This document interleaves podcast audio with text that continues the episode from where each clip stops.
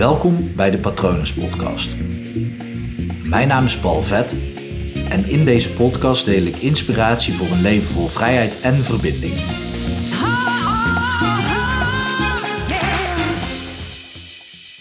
Soms als ik deze podcast en video op wil nemen, dan voel ik zo'n weerstand dat zelfs mijn lijf voelt dan gewoon vermoeid aan. Dat ik denk. En is niet omdat ik het opnemen van de podcast niet leuk vind.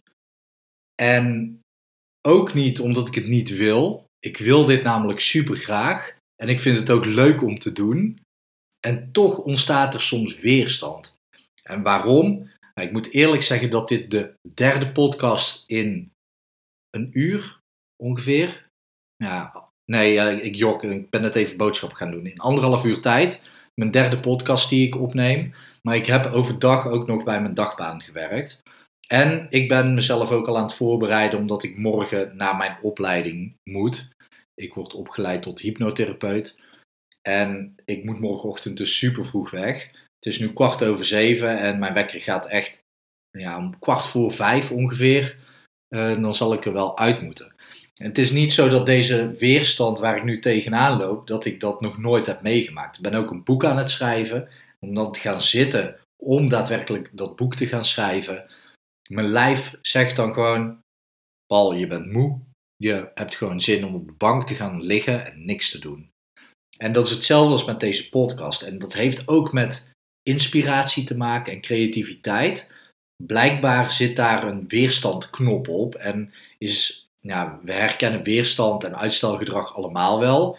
Maar vaak bij dit soort dingen, dat zijn wel ja, er is zelfs een lijstje van dingen waar de meeste weerstand voor opkomt. Misschien is het ook wel bij afwassen en schoonmaken, maar misschien is dat wel een andere, ander voorbeeld. Maar bij sporten bijvoorbeeld ook, dat je s'avonds na het eten op de bank zit en denkt: Ik wil niet sporten, ik wil niet sporten, ik wil niet sporten. En als je dan goed genoeg getraind bent, dan pak je die sporttas, in, die pak je in en die maak je klaar. Als je het slimmer aanpakt, dan zorg je dat de sporttas al klaar staat, dat je hem alleen maar hoeft op te pakken.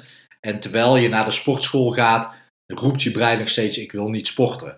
Uiteindelijk kom je bij de sportschool aan en je wil niet sporten, maar je wil ook niet naar huis gaan. Dan is die weerstand weer groter dan de andere weerstand en ga je sporten. Daarna voel je je fantastisch. En dat, is, dat werkt dus met creativiteit ook. Er komt altijd weerstand op. En ik denk dat er, ik zeg ik denk, ik weet dat niet. Um, ik ga zo vertellen waar ik deze theorie of deze inspiratie eigenlijk vandaan heb. Maar ik denk dat dat komt omdat creativiteit, um, het geeft je niet een instant beloning. Bijvoorbeeld eten, op het moment als ik honger heb en ik ga net zoals net naar de supermarkt en ik koop daar iets wat lekker is en ik stop dat in mijn mond, heb ik instantly heb ik een beloning. Mijn brein vindt dat super fijn, want daar is mijn brein voor gemaakt. Eh, mijn brein is gemaakt voor schaarste. Tegenwoordig leven we in overvloed, super onhandig. Maar mijn brein is zo gemaakt dat als ik in de supermarkt loop en ik ben vermoeid, dat ik een, een uh, snoepje neem of gewoon echt iets lekkers, even iets zoets met snelle suikers, zodat als ik daar een hap van neem, dan, dan krijg ik opeens energie. Want suikers zijn natuurlijk ook energie. Maar dan krijg ik ook dat beloningsstofje. En met creativiteit is dat niet het geval, met sporten ook niet. Het gaat namelijk eerst eigenlijk pijn doen.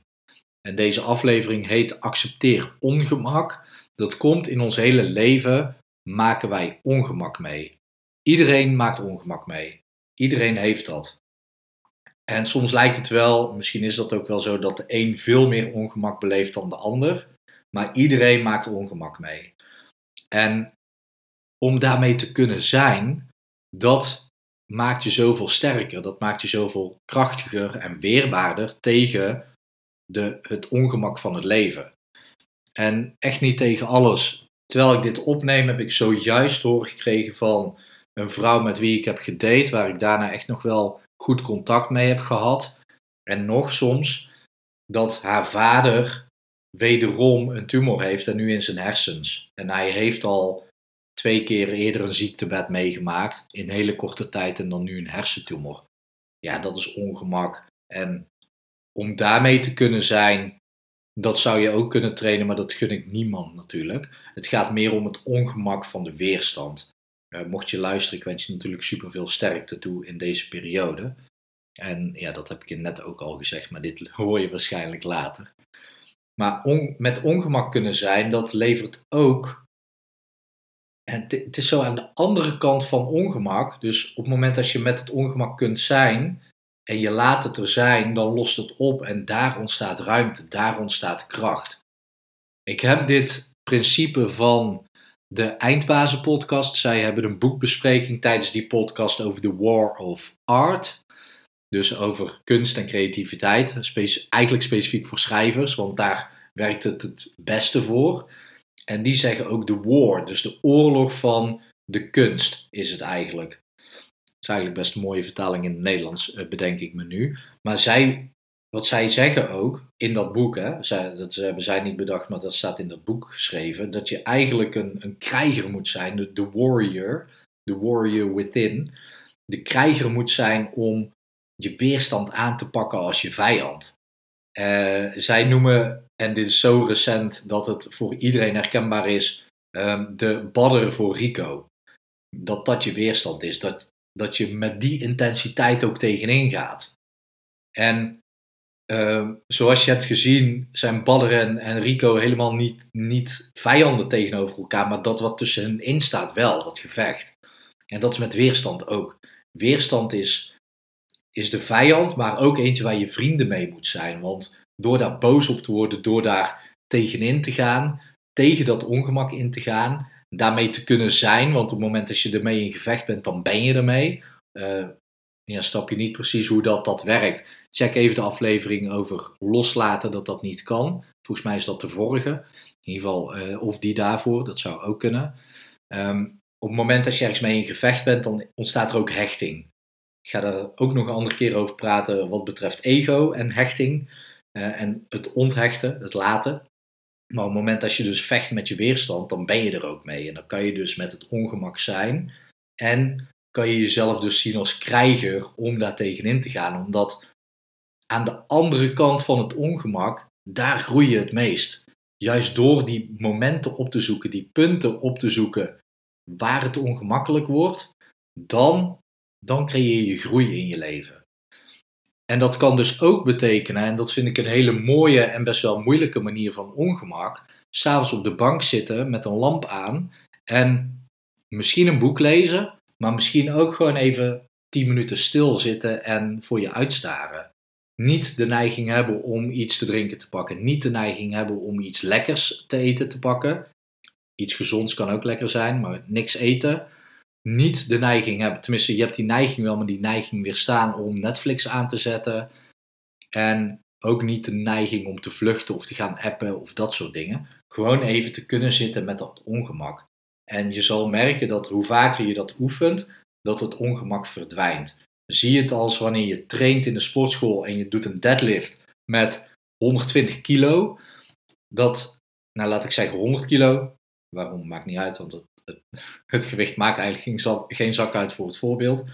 Maar je tilt 100 kilo op en daar heb je moeite mee. En je gaat trainen, trainen, zodat je naar de 110, 120, 130, 150 kilo, misschien wel 200 kilo kan. En dan pak je die 200 kilo en dan ga je echt dat gevecht aan met die weerstand. En dan pak je daarna eentje op van 100 en dan denk je, oh, heb ik me daar toen zo druk over gemaakt? Dat is het voordeel van omgaan met weerstand en ongemak hoe beter je daarin wordt. Niet door zoveel mogelijk mee te maken wat je overkomt. Zoals het voorbeeld wat ik net gaf, de ziektes van dierbaren. Dat bedoel ik niet. Echt gewoon de weerstand, het ongemak opzoeken waar je voor kiest. Koud douchen in de ochtend bijvoorbeeld, of 10 minuten op de bank zitten. En daarmee kunnen zijn.